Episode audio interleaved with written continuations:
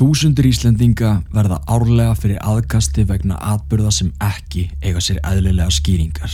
Í gegnum tíðina höfum við fengið talsvert af sögum sendar til okkar þar sem fólk er raunverulega að lýsa ræðslu og óta á yfir náttúrulegri upplifun.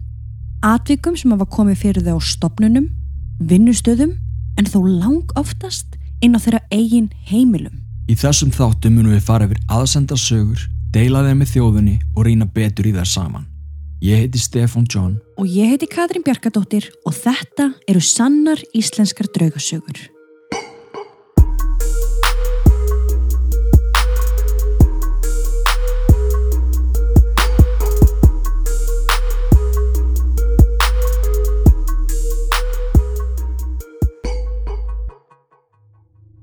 Áður en við byrjum er rétt að taka fram að sögurnar sem teknar eru fyrir í þessum þáttum eru ekki í nefni ákveðinir tímaröð sem þar eru sendar okkur, heldur af handahófi.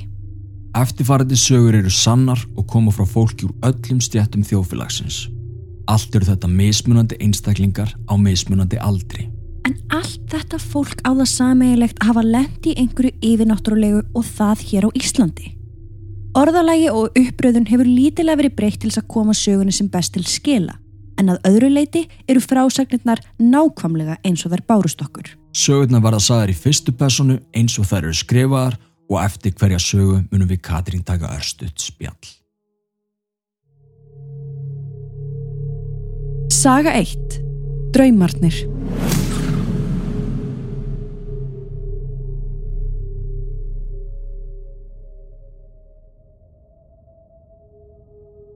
Sæl. Mér langaði að deila með ykkur tveimur sögum en ég hef alltaf verið mjög berðreiminn og gett fundið margt á mér fyrirfram.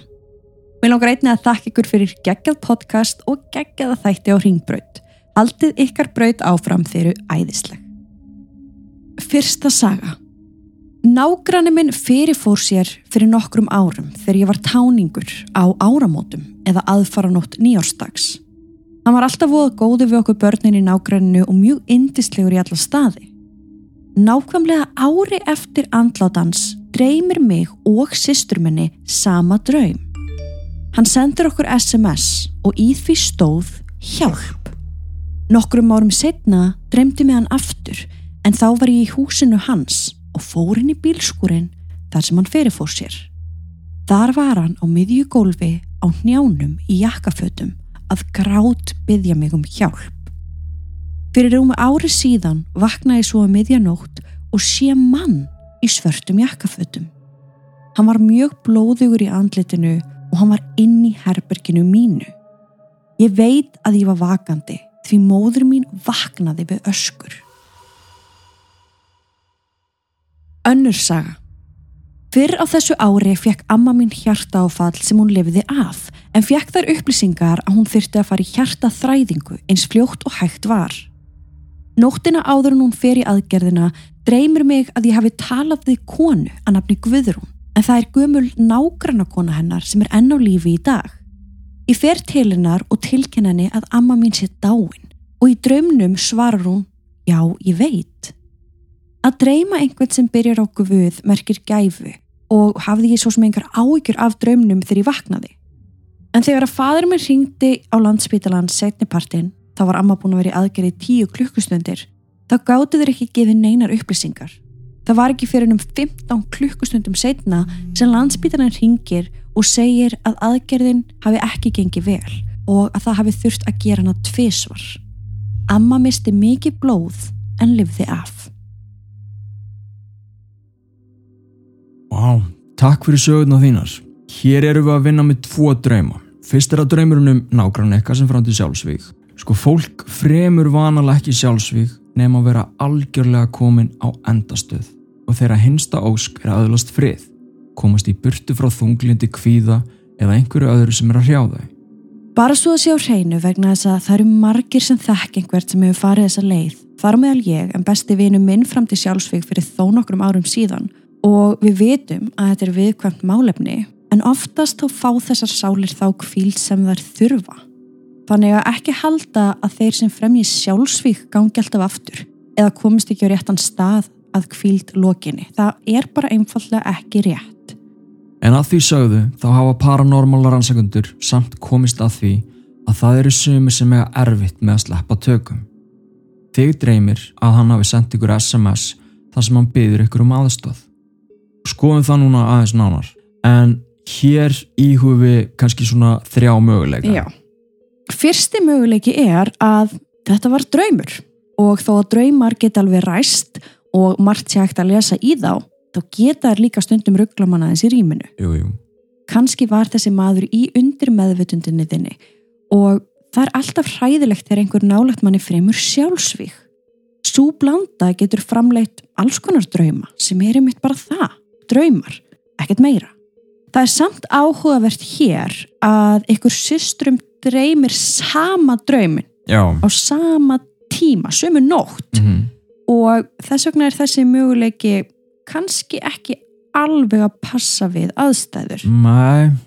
Og svo er annar möguleiki að þetta sé residual orka, endurstíkin orka. Mögulega var maðurinn í næsta húsi búin að lifa í kvöl í mörg, mörg ár.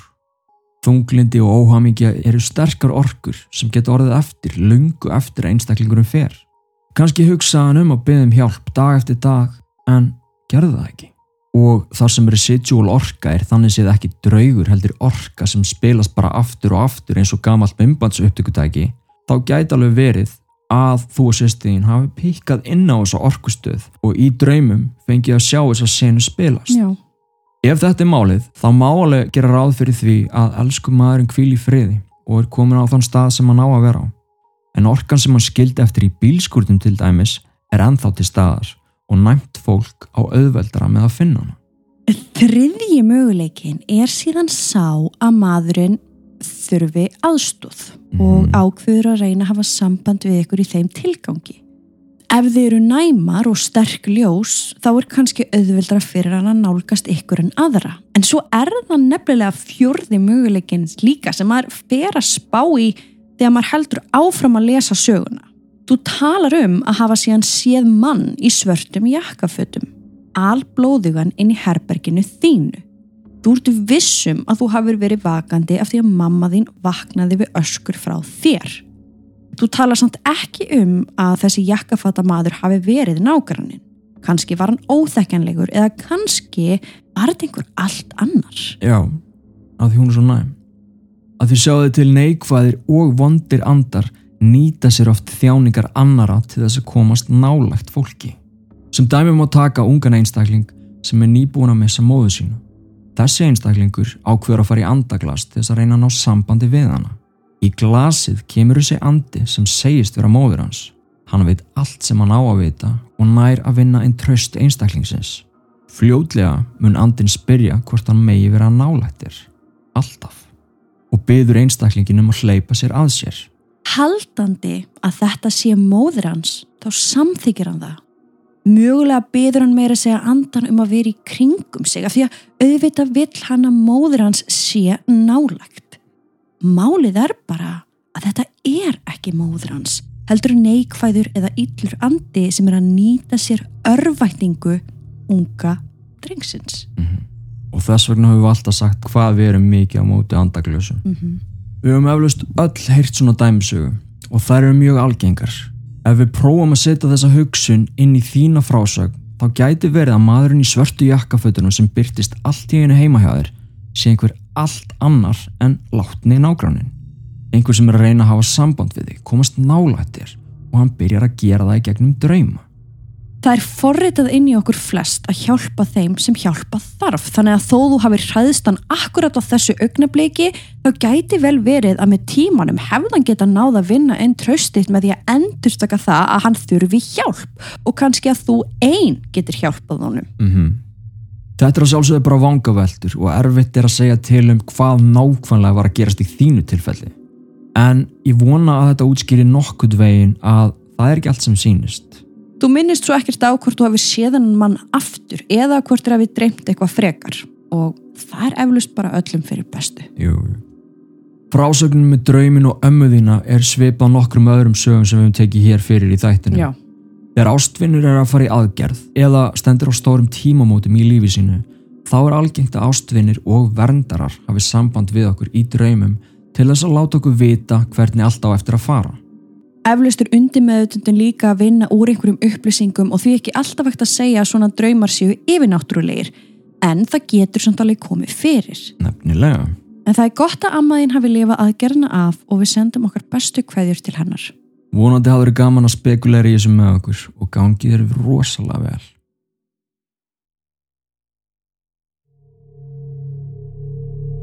Saga 2. Gistihúsið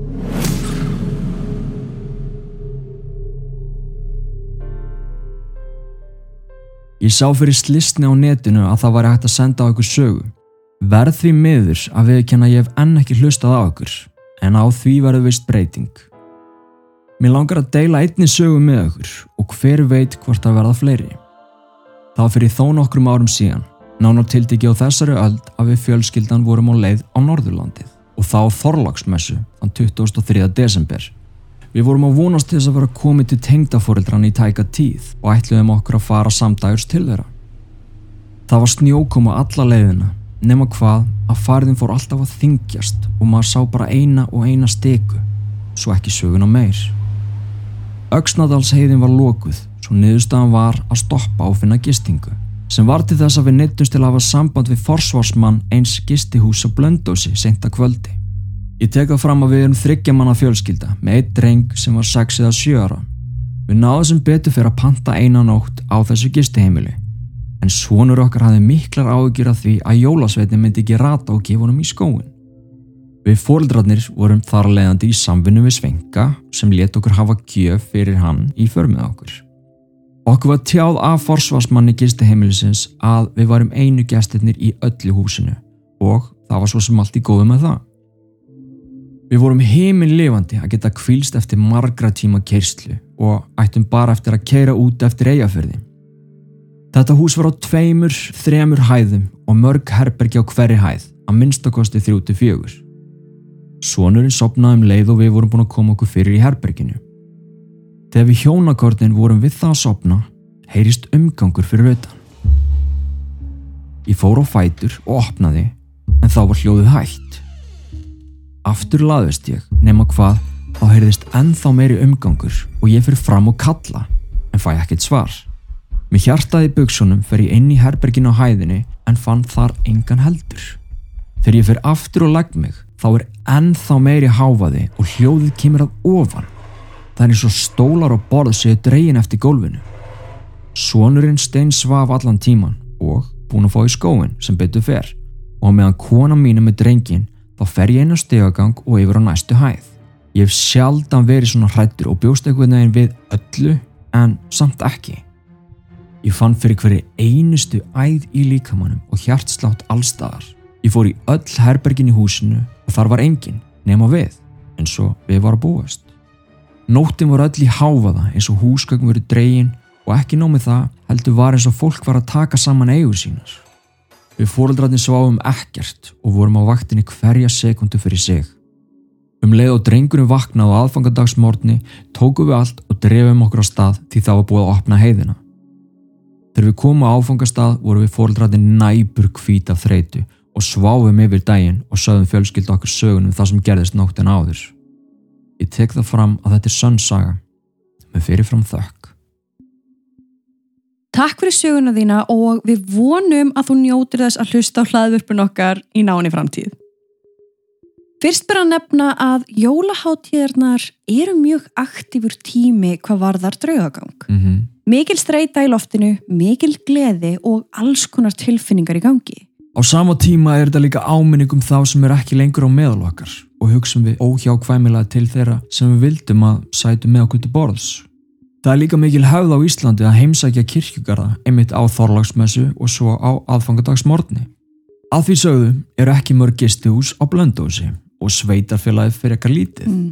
Ekki mikið um nýbyggingar og flest húsin sem eiga sér langa sögu og margir farið í gegnum þau í gegnum árin. Svo það eru auðvitað möguleiki á að þarna hafa andar einhverja gesta verið á sveimi nú Mhm. eða annara bæjarbúa. Og tölun nú ekki um allt fólki sem eru orðið úti einmitt í veðrum eins og þeim sem að þið lendu í. Mm. Óveður er líka eitt og sér talið keira upp orku og reymleiki því alltaf meiri þegar veður er vond. Þetta er mjög áhugaverð saga og undistrykar það að flest gistihimili og hótel búa við einhvers konar reymleika og sérstaklega þau sem eru út af landi. Mm -hmm. Þau eru nefnilega allstaðar, við bara sjáum þau ekki. En gott að þið komist öll heila húfi á áfangastað og tímanlega fyrir jólinn. Takk kærlega fyrir að senda okkur söguna þeina.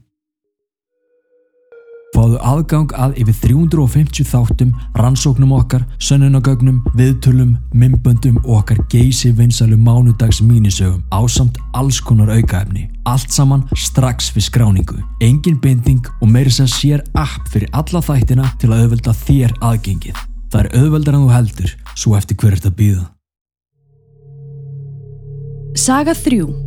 Djöfullin í gravarvogi.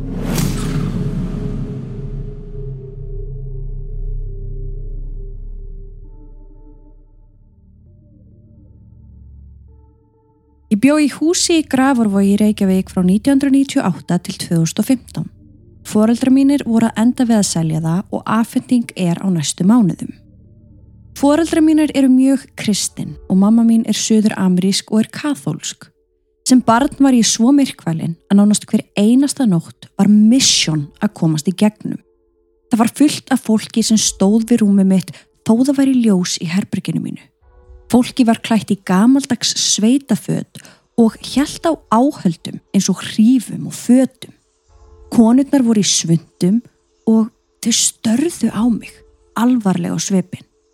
Ég kallaði mömmu og pappa grátandi nánast á hverri nóttu þar sem pappi minn kom inn og fór með litla bæn. Húsið er í og kirkjugarður er beint fyrir framann húsið. Ég heyrði líka rattir fram á gangi og oft í börnum hlæja eða kallast upp köll. Sá líka svo kallaðan djöfulinn. Ég er ekki trúið í dag og velti þessu stundum fyrir mér hvort ég hafi verið að ímynda mér þessa hluti. En þetta var mjög skýrt. Ég sá í hendurnar á honum, á hurðarkörmunum og svo svarta veru í myrkrinu í steganum. Pappi og mamma töluðu sín á milli að það væri eitthvað í húsinu og þau fengur reglulega martraðir. Pappi bað oft og var að reka út og svo var heilagt vatn fengið í katholsku kirkjunni og stundum skvett. Þarna fannst mér þetta hlægilegt og finnst það alveg ennþá. En með tímanum vandist maður þessum látum í eldúsinu á nóttunni eins og einhver væri að færa til diska og glös í skápunum. Stundum heyrðust skellir í skápun en enginn var niðri.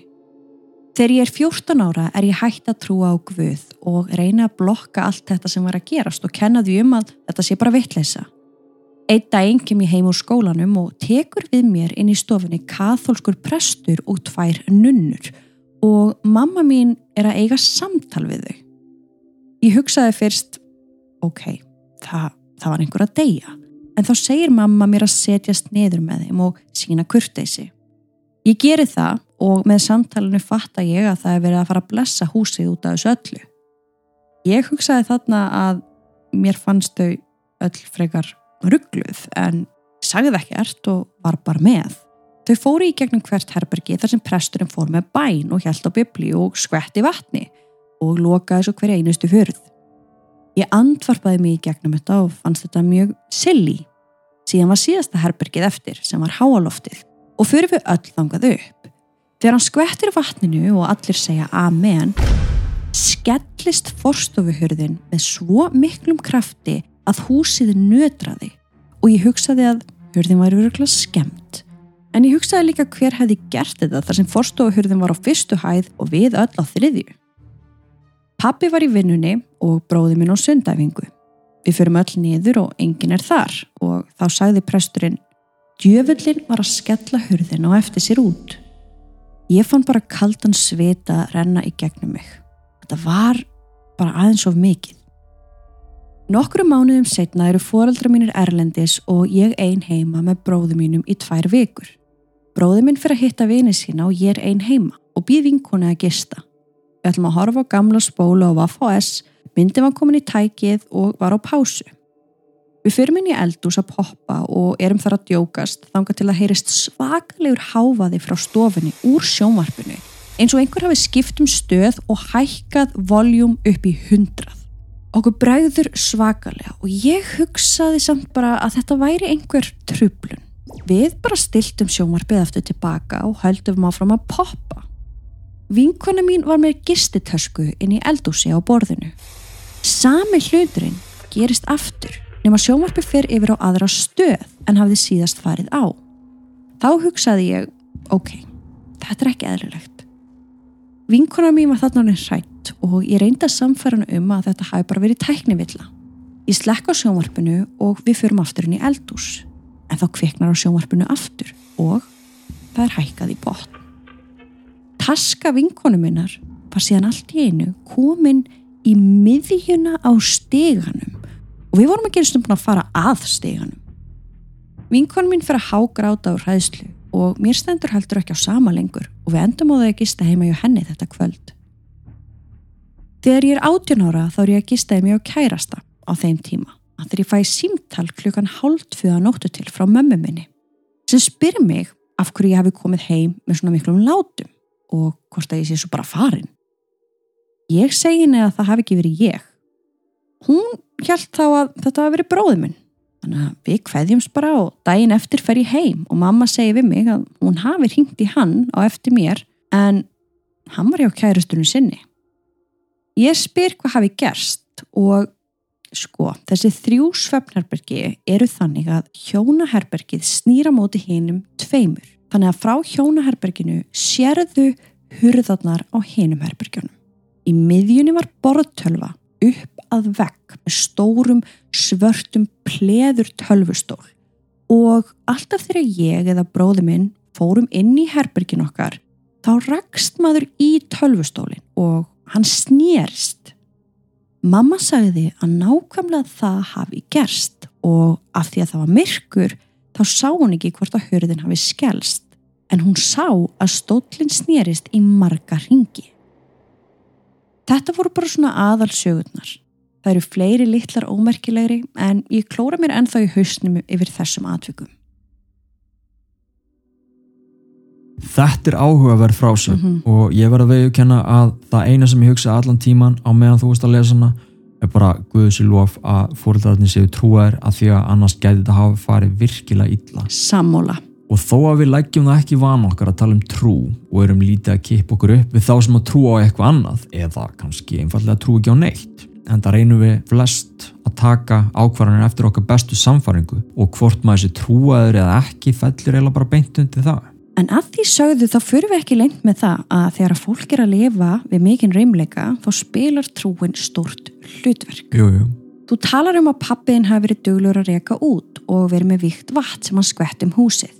Vatni er eitthvað sem við gerum reglulega og okkar fjögur börnur er búin að vennjast. En þrátt fyrir það þá halda lætin áfram þarna heimi á þér. Það verið að skella skápum og færa til diska og glös og hér gætum við verið að vinna með poltergæst. Þú tala líka um að hafa séð svarta veru í myrkrinu og það er svolítið áhugavert hvernig þú orðar þetta. Sá líka svokallaðan djöfulin. Ég er ekki trúið í dag og veldi þessu stundum fyrir mér hvort ég hafi verið að ímynda mér þessa hluti. En þetta var mjög skýrt og ég sá í hendunar á honum á hurðarkörmunum. Það hljómar pínu eins og þú viljir ekki trúa og það er bara gott og vel, ekkert af því. Og þú vilt halda þig fram að þetta hafi einfallega verið ímyndun. En samt sástu þetta svo skýrt.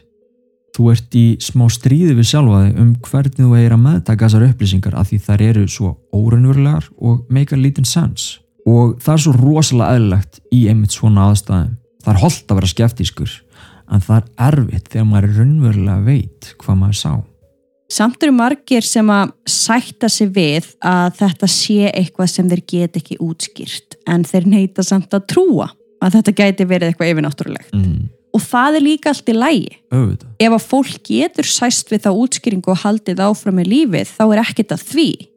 En aðrir bara verða að finna skýringu og enda á að trúa. En það er lítið hana í bóði. Síðan koma prestarnir og nunnurnar heim og greinilega var einhver óbúðan gestur óánæður með þannan gjörning og let þess vegna heyra og finna fyrir sér. En ég er ánæðið með fóldraðina að ganga alla leið til þess að fá ró inn á heimilið. En því miður þá virkaði það ekki akkurat í þessu tilfelli og eins og við veitum þá þarf oft mörg skipti og alls konar fólk til þess að hjálpa. Paranormal rannsakendur, miðla og presta og inn á milli þarf heimilsfólk að vinna sína heimavinnu í samvinnu við þetta teimi.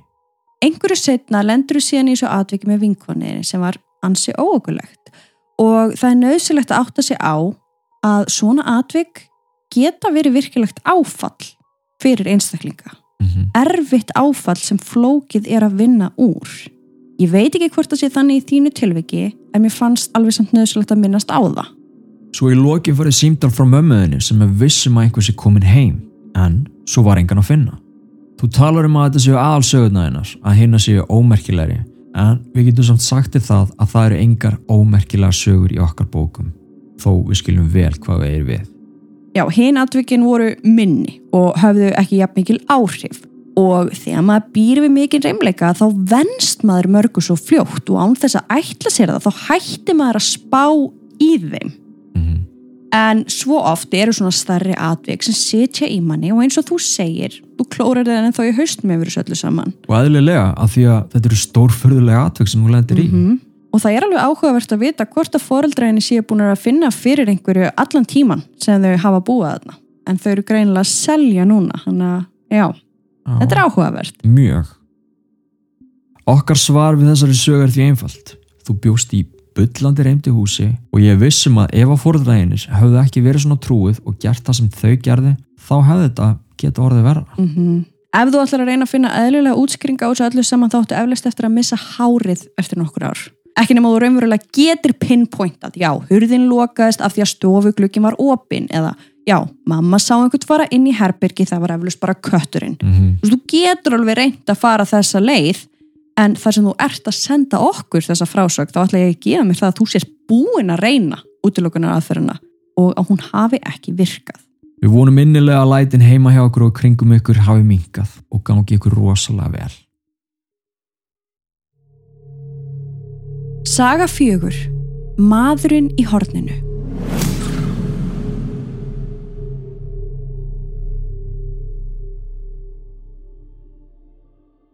Ég ólst upp ein með mömmu minni í lítilli íbúð í Kópavoginum. Mér leið alltaf vel þarna og fann alltaf fyrir góðum anda inn í íbúðinni. Þangað til að ég var um fjögur að fimm ára. Ég vaknaði eina nóttina upp úr þurru og sá eldri mann stara á mig í horninu á herbyrginu mínu. Ég get ennþann dag í dag líst útlutinu á manninu. Var hávaksinn með langt skegg og hatt. Hann gerði ekkert. Hann sagði ekki neitt. Hann bara horfði á mig. Ég var döður hrætt og hljóp öskrandi og grátandi inn í herbergi hennar mömmu. Þetta fór að gerast á hverju nóttu og alltaf sama sagan. Ég vaknaði, sá mannin og hljóp öskrandi til mömmu. Mamma fór að verða döðhrætt að vera inn í íbúðinni. Hún ringdi í prest til þess að koma og hjálpa okkur að losna við mannin. Presturinn kemur og fyrir að skoða íbúðina. Þegar hann kemur að mínu herbergi, stoppar hann og segir Það er eitthvað í gangi inn í þessu herbergi. Presturinn fyrir að blessa herbergið. Hann lappaði um og fór með einhverjar bænir. Ég sá mannin aldrei aftur eftir þetta. En ég hef samt séð og heyrt í mörgum draugum en þessi saga er svo sem hræði mig allra mest og ég er ennþann dag í dag skelku við tilöksununa um þennan mann. Þetta er saga sem ég get vel tengt við og ég held að við höfum tekið fyrir svipaðar áður. Já, vissulega og ég held að við þurfum bara svolítið að þakka prestum í þessu þætti. Þeir eru að Algjörlega. koma svolítið mikið við sögum. En þessi blessuðu andar sem standi í herbyggin okkar og horfa á okkur sofa er í alvörinni til eitthvað meira spooky. Nei, veistu, ég held ekki. En eins og við höfum sagt þá þarf alls ekki að vera að það sé eitthvað neikvægt. Nei, nei. Það getur alveg verið, en við getum svona ekki áætlað að bara sé svona þó það sé spooky. Já. Presturinn var svo greinlega nærvöru og hann blessar herbergið og eftir það hefur ekki séð hann að mann aftur. Ef þetta var neikvæðarandi þá gæti verið að hann hafi hræðist prestin og þess vegna komið sér burt. Mm -hmm. Ef þetta var verndari þá gæti verið að hann hafi átt að segja á hversu hrætt þú varst svo hann ákvaða að láta sig hverfa. Algjörlega og svo eru þetta þriðji möguleikin að þetta hafi einfallega bara verið ráfandi sál sem sá skært ljós og ákvaða að koma nálagt því. Jú, jú. Ég skil vel hræðsluna sem þú fannst sem barn en ég vona að þú náir að sigrast á þessu áfalli núna orðin eldri.